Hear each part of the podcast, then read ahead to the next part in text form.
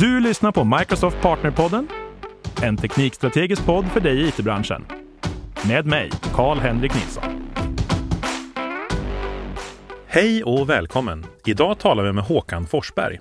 Håkan är, precis som jag, en Cloud Solution Architect för GPS-teamet på Microsoft. Håkan har en lång karriär innan Microsoft som konsult och har jobbat framför allt med data och artificiell intelligens. Hej och välkommen Håkan! Hej Karl-Henrik och tack för den fina introduktionen. Finns säkert massa mer bra saker att säga om det också, om jag ska vara ärlig. Men eh, man måste ju hålla sig lite kort nu för tiden. Just det. Du, vi har ju pratat ganska mycket om AI i den här podden, men ganska lite om data egentligen och datahantering. Men jag märker att vi får ju mer och mer frågor om det. Ja, det är ju så här att eh, många pratar ju om AI och, och, artificiell intelligens men, men AI och artificiell intelligens är ju egentligen ingenting utan data. Nej. Så det är väl egentligen eh, där allting börjar. Eh, har vi inte ordning på våra data så eh, har vi ingen nytta utav AI.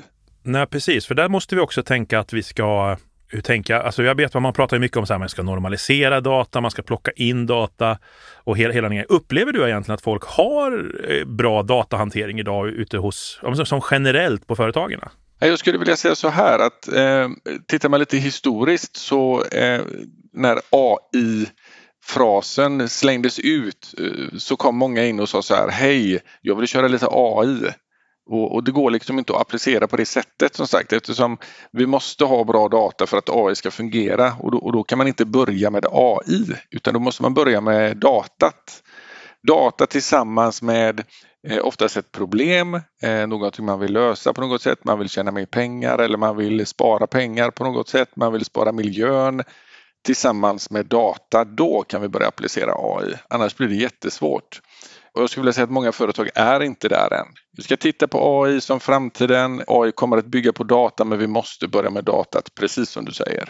Det du egentligen säger är att man kanske inte ska ha som strategiskt inom, inom en treårsplan att börja med AI, utan att man ska börja med rätt datahantering istället för att det är kanske där värdet finns lite grann, eller?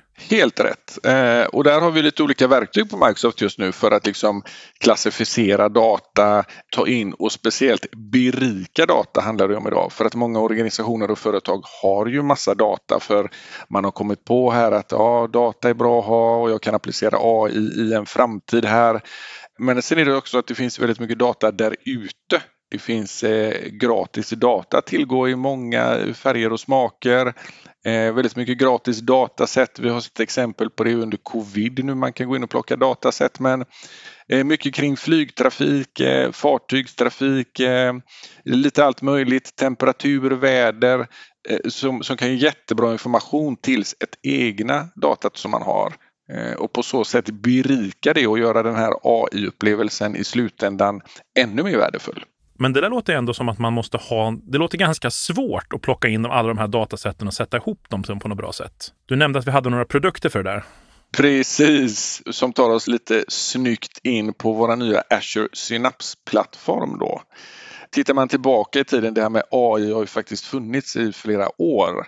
Eh, det är bara det att det har varit lite tyst, det har varit väldigt svårt, det har varit eh, lite krångligt att komma till det vi precis pratar om just nu, att, att få tag i sitt data, hitta rätt datakvalitet och så vidare och, och sen bygga de här AI-modellerna. Det har varit väldigt, väldigt mycket låg nivå. Folk har suttit och kodat detta. Det har inte funnits några visuella verktyg och kanske en så lättförståelig teknik kring detta. Och där har vi på Microsoft gjort ett jättejobb det sista för att liksom lyfta upp detta till ytan. Det är en problematik. Man ska göra AI tillgänglig lite för alla. Men om vi börjar med Synapse-plattformen här.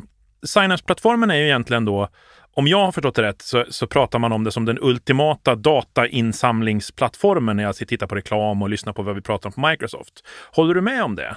Jag håller med om det. Eh, tyvärr har det blivit lite missförstånd vill jag börja med att säga kring när vi lanserade vår Azure Synapse-plattform. För att eh, tidigare så hade vi en produkt som hette Azure SQL Data Warehouse som var en eh, man kan kalla det att det var en SQL-databas på steroider lite grann. Väldigt, väldigt anpassad för Data Warehouse Workloads.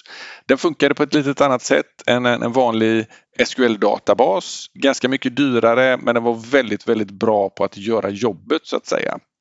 Vad vi gjorde när vi lanserade Synapse-plattformen var att vi gjorde ett namnbyte på SQL Dataware-databasen och så kallade vi den för Azure Synapse. Och här har det blivit ett litet missförstånd i branschen för att nu tror alla att eh, Azure Synapse är vår gamla SQL Data Warehouse-databas. Vilket den eh, faktiskt är, men den är mycket, mycket mer. Så Azure Synapse är en ny plattform. Jag har ju hört människor som liksom jämför och säger att, att, precis som du säger, då, att det är Data Warehouse som är i en ny förpackning. Liksom. Vad får man då i den här synapsförpackningen? Vad är det för olika typer av saker vi kan göra med produkten om man tänker i dess mest grundläggande form? Ja, eh, om vi tittar på den så består den i huvudsak av tre stycken olika Compute Engine som vi ska titta på eh, vad vi faktiskt kan göra när det gäller eh, datatransformering och datalagring. Det ena är att vi har en SQL-smak kan vi kalla den för eh, och där ingår en dedikerad SQL-pool vilket betyder att man kan provisionera upp en VM eller flera i Azure eh, och då får man den här gamla SQL Data Warehouse-databasen åter. Eh, den kallas nu för SQL Dedicated Pool och är en del av Synapse-plattformen. Den funkar på precis samma sätt fast det har kommit lite nyheter i den. Sen har vi en annan smak eh, när det kommer till SQL eh, som heter SQL On Demand. Ibland heter den SQL Serverless har jag sett. Det är en ny kille i gänget, också SQL. Men den här används för att mappa saker i en data lake.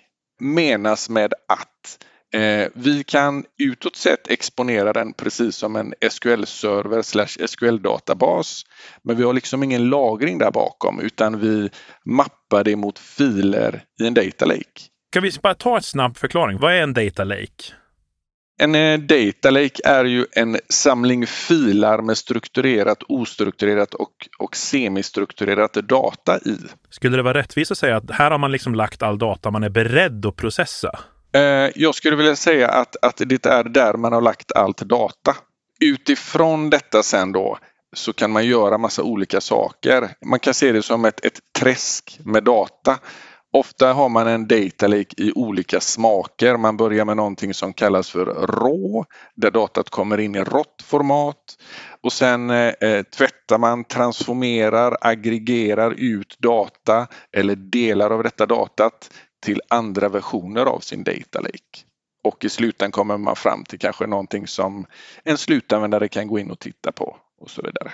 Och om vi då kommer in på Data Factory och Data Warehousing, är, kan man, är det rätt att säga att Data Warehousing det är liksom där datat hamnar efter att det blivit processat? Ja, det kan man säga. Data Warehousing brukar vara en, en, en ändhållplats för datat där liksom Enterprise-datat hamnar i en aggregerad, filtrerad vy som användarna kan konsumera. Och Data Factory, hur kommer den delen in i det här? Ja, Data Factory är ju ett produktnamn på en av våra tjänster eh, som finns i Azure och Data Factory används väldigt ofta för data ingestion på något sätt. Att vi, att vi alltså vi hämtar data från en källa och puttar den till en destination.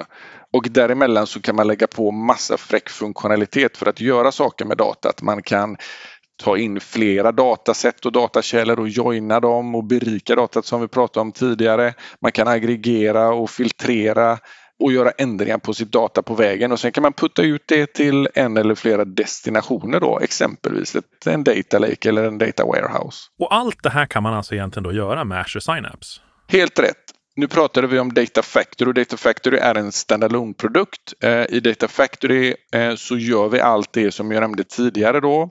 Eh, med hjälp av någonting som kallas för pipelines. Så Data Factorys funktionalitet i sin egenskap av en standalone-produkt finns nu också inne i Synapse-plattformen. Eh, den heter där Azure Synapse Pipeline, lite påpassligt då, men samma sak som man kan göra i Data Factory kan man också göra i Synapse. Vi har ju sett att bolag som försöker vara lite, lite häftiga och lite up to date och så vidare, de pratar ju mycket om just Spark i samband med den här produkten. Hur kommer den egentligen in i det, i det här ekosystemet? Ja, det är lite roligt att du, att du nämner det, för vi pratade ju tidigare om att vi hade lite olika typer av compute engines i Synapse-plattformen, varav SQL var två utav dem. Vi har ju ytterligare en compute engine typ eh, som då är Spark. Spark är ju en, en eh, nykomling i gänget eh, som kom strax efter vi lanserade Synapse-plattformen och har blivit väldigt populär. Spark som du säger är väldigt populärt i branschen, har ju funnits i många, många år. I Azure kan man idag använda Spark på två sätt. Antingen via Azure Databricks som har funnits ett bra tag, ett väldigt gott samarbete med Databricks.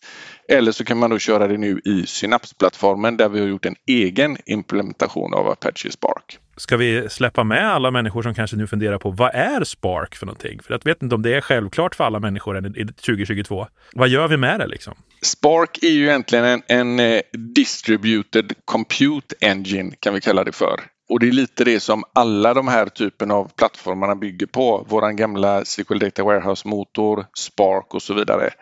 Eh, lite enkelt förklarat så bygger det på att vi kan skicka ett jobb till de här Compute Enginen och sen så skickar de det vidare till en massa workers som då kan vara noder med massa compute på och så delas jobbet upp. Och på så sätt så kan vi köra väldigt stora jobb och distribuera ut detta på väldigt många noder som har väldigt mycket compute.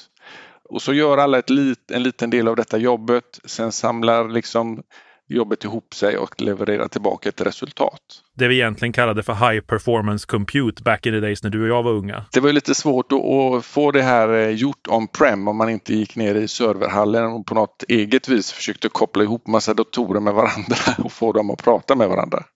Tittar man tillbaka så Fördelen med cloud är ju många men här har vi en, en jättefördel det vi pratar om nu att, att man kan faktiskt putta på de resurserna som krävs. Man kan köra gigantiska kalkyleringar idag på en jättekort tid. Eh, förr i tiden så fick man, ju, man fick köpa gigantiska beräkningskluster och ställa i källan och så var de liksom out to date efter ett år. Jag kommer inte ihåg vem det var någon sa, jag tror det var en gäst på den här podcasten som pratade om det. Just att man måste ju också vänja sig i molnet om att, att en maskin i 100 timmar kostar ju lika mycket som 100 maskiner i en timme. Precis. Så att man kan ju göra så mycket så fort utan att det egentligen kostar mer. Och sen är det så här att nu är vi inne på de här Compute Enginen och pratar om dem och då är det oftast som så här med dem att man kan pausa dem och när man pausar dem så betyder det egentligen att man stänger av sin compute.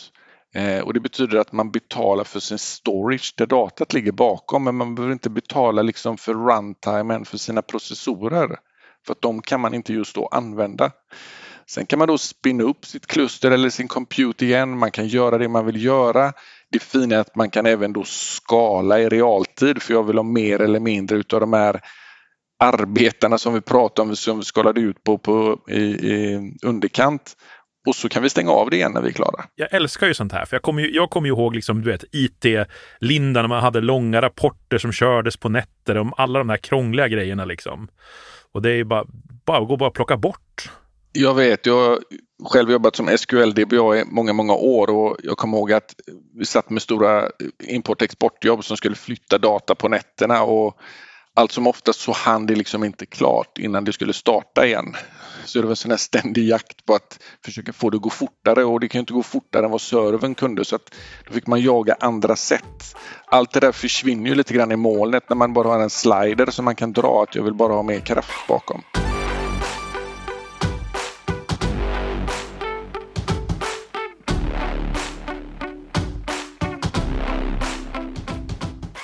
Vi var ju inne lite grann på just då artificiell intelligens här i början på när vi började prata med varandra här. Och då sa vi att om man tittar på att göra någonting som ska vara fördelaktigt för AI, då är det kanske att börja titta på just ett dataimportjobb eller data, eh, vad heter det, man skapar datasätt helt enkelt som är lämpliga att använda för artificiell intelligens. Precis. Är, är det här rätt första steg, liksom, att börja titta på Azure Synapse? Är, kan det vara ett bra första steg för att få till någonting som går att använda för det? Vad ska man tänka på där? Ja, jag skulle säga att det är kanske svårt att börja med att skapa ett datasätt som är avsett för artificiell intelligens. Men, men absolut, någonstans så måste man ju börja att ta in sig till data. Eh, och där är ju Azure Synapse Pipelines en, en eh, jättebra kandidat såklart. Eh, sen kommer det att krävas massa andra saker för att komma fram till just AI-delen. Men jag ska också nämna att i Azure så har vi liksom jag skulle vilja säga att vi har kanske tre olika nivåer av att jobba med AI. Antingen så kan man jobba med AI på det här råa sättet som jag nämnde i början här där man fick koda allting och på en väldigt låg nivå ha en jättestor förståelse om vad man håller på med och man kodar allting från början utan visuella verktyg. Eh, nästa nivå är att vi har faktiskt en tjänst som integrerar med Azure Synapse eh, som heter AutoML. Auto Machine Learning där man faktiskt kan få lite hjälp om man har ett dataset. Eh, så kan man få lite hjälp i Synapse-plattformen grafiskt med ett problem. Exempelvis vad vill jag göra med detta datasättet och med hjälp av AI Eh, jag kanske vill göra en forecasting, alltså titta in i framtiden och, och förutspå hur datat kommer att se ut om en viss tid. Eh, då kan jag väldigt enkelt högerklicka på mitt dataset, som det så fint heter, välja att jag vill göra en forecasting och sen så gör liksom machine learning massa saker magiskt i bakkant åt mig utan att jag behöver kunna vad machine learning egentligen är. Är det fortfarande sann den här gamla devisen att man man kan aldrig få ett svar från artificiell intelligens som man inte har frågat efter. Det faktum är att vi, vi börjar och, och nästan komma förbi det lite grann för att eh, i vissa tjänster vi har så appliceras artificiell intelligens utan att du vet om det och frågar efter det. Um, och det är lite roligt, nu kommer vi in på någonting annat. Den tredje killen i den här Compute Engine historien vi pratade om tidigare eh, som då heter Data Explorer och i Data Explorer så finns det funktionalitet att titta in i framtiden faktiskt med hjälp av artificiell intelligens. Det låter ju lite coolt. Hur, kan du ge ett exempel på hur, vad, vad, man kan få för svar? Ja, då är det ju som så här att Data Explorer är väldigt, väldigt bra på att ta in stora mängder data väldigt, väldigt snabbt. Eh, åt ena hållet, man kan tänka sig strömmande data i form av exempelvis IoT-sensorer är ett väldigt bra exempel. Och det är också ett bra exempel för att Data Explorer är väldigt, väldigt bra på just tidsseriesdata. Då kan man tänka sig att det är någonting som sitter och strömmar in data till eh, Data Explorer som då fylls på över tid med miljardtals record kan vi tänka oss. Då kan man med hjälp av funktionalitet i Data Explorer givetvis titta och fråga på datat. All data indexeras upp så att den är oerhört snabb på att slå i i realtid. Men det finns också funktionalitet i den att exempelvis eh, just för att det är tidsseriesdata så om vi ska göra bra analys på tidsseriesdata så vill vi att det ska vara konsistent. Vi vill att det ska vara allt data ska finnas där och så vidare. Och tittar vi på IoT så skickar den ju oftast data kanske det kan vara en gång i sekunden, en gång i minuten och så vidare. Ibland så blir det blanks, alltså vi saknar data i tidsserien vilket inte är bra när vi ska göra analys framöver. Där exempelvis finns det funktionalitet i Data Explorer att exempelvis gå in och fylla i de gapsen med någonting som vi säger till den. Den kan detektera att det är ett gap, alltså det saknas data och så kan vi automatiskt fylla i det när vi gör vår framtidsanalys. Sen finns det annan funktionalitet out of the box i Data Explorer att jag kan fråga på data fast in i framtiden. Alltså jag kan be den göra en prediction och jag kommer då få svar i form av en graf där jag ser datat som finns men jag ser också det prediktade resultatet, vad den tror kommer hända framöver. Klassiska exempel, bensinförbrukning, huspriser och sådana där grejer antar jag vi har säkert färdiga demon på. Exakt så, men det kan också vara att eh, vi tänker oss att vi får in eh, sensordata från en produktionslinje där en givare håller på att bli alldeles för varm. Och då vill vi kanske göra någonting innan den blir för varm och prediktar vi redan nu att den kommer att bli för varm så kanske vi kan göra något innan vi får ett stopp. Och nu är vi inne på det här predictive maintenance och vad AI faktiskt kan hjälpa till med. Jag tycker det, jag tycker det är ganska intressant. Jag jag har ju sensorer överallt i mitt eget hus som jag på sin, än så länge bara visualiserar med Power BI. Men man kanske borde gräva ner sig lite i de här grejerna egentligen och bara få, just få ut som sagt lite alarm och lite alert om det skulle bli väldigt höga temperaturer någonstans. Eller låga.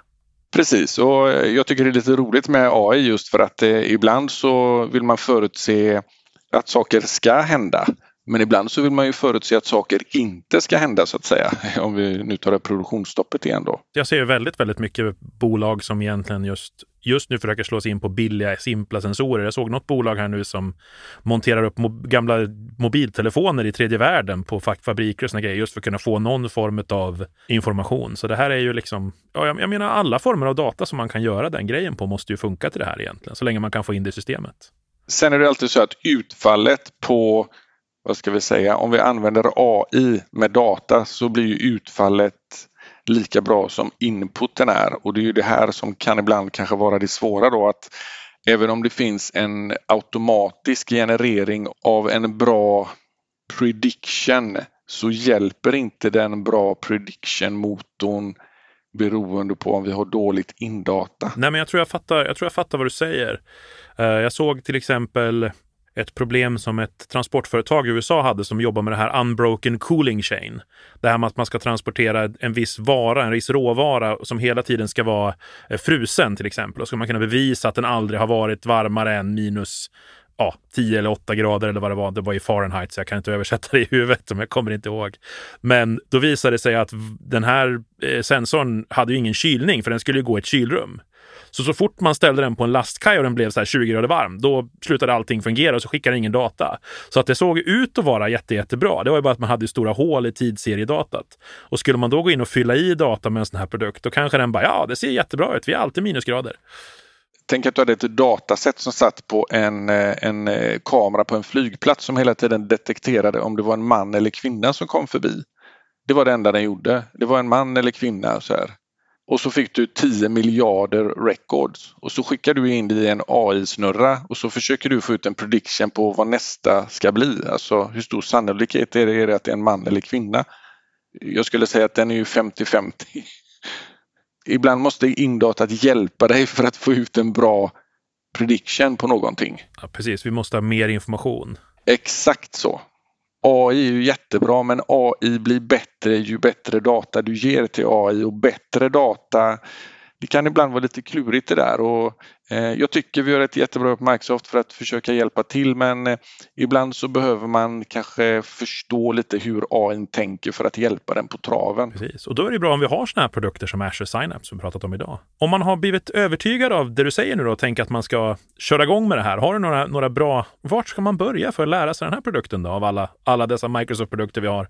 Jag älskar ju det här och, och learning by doing. Eh, vi har faktiskt jättebra tutorials eh, online. Eh, kräver ju dock kanske att man har tillgång till en Azure subscription och där också kan sätta upp en, en Azure Synapse-miljö så att man faktiskt kan köra lite hands-on. Annars så skulle jag vilja slå ett slag för Microsoft Learn där vi har eh, eh jättemycket eh, träning där man lär sig via videos och eh, text men givetvis, eh, om man kan gå in och titta på våra videos, finns ju jättemycket på Youtube och i våra interna kanaler. Det har varit jättekul att snacka lite data med dig idag Håkan. Jag hoppas vi kommer få, eh, få chans att återbesöka det här lite grann och kanske få göra det snart nog igen, för vi har en del andra intressanta produkter på, på den här sidan, eller hur? Jag tänker på eh, Azure Purview som vi nämnde lite grann här kort vårt nya Data Governance-verktyg. Absolut, ska bli jättekul att, prata lite om den. Sen måste jag slå ett slag då att eh, Azure Synapse-plattformen integrerar ju då bland annat med Azure Purview men med eh, flera av våra andra produkter som gör att man exempelvis kan nå sitt data inifrån Synapse-plattformen även om det ligger någon annanstans. Jag måste bara säga att jag upplever att Azure-plattformen har blivit väldigt mycket bättre på liksom att alla produkter nu bär, det som känns som att de följer en röd tråd. Identitetsprodukterna, data AI-produkterna, liksom, de integrerar så bra med varandra nu för tiden. Ja, och det är till och med så att eh, våra on-prem-produkter och det jag pratar om främst nu kanske är SQL Server 2022 som kommer att släppas nu i år eh, också integrera sig och kan liksom sträcka ut en hand helt plötsligt upp till Azure-plattformen. Så det är inte bara native born in the cloud Azure-produkter utan det är till och med våran, eh, våran on-prem eh, portfölj som gör likadant. Håkan, jag skulle kunna prata data och Azure med dig hela dagen tror jag, men vi börjar få slut på tid helt enkelt. Så jättestort tack för att du kom hit och pratade Azure Synapse med mm. oss idag. Tack själv. Du har lyssnat på Microsoft Partnerpodden med mig, Karl-Henrik Nilsson. Som vanligt hittar du information och resurser på aka.ms partnerpodden.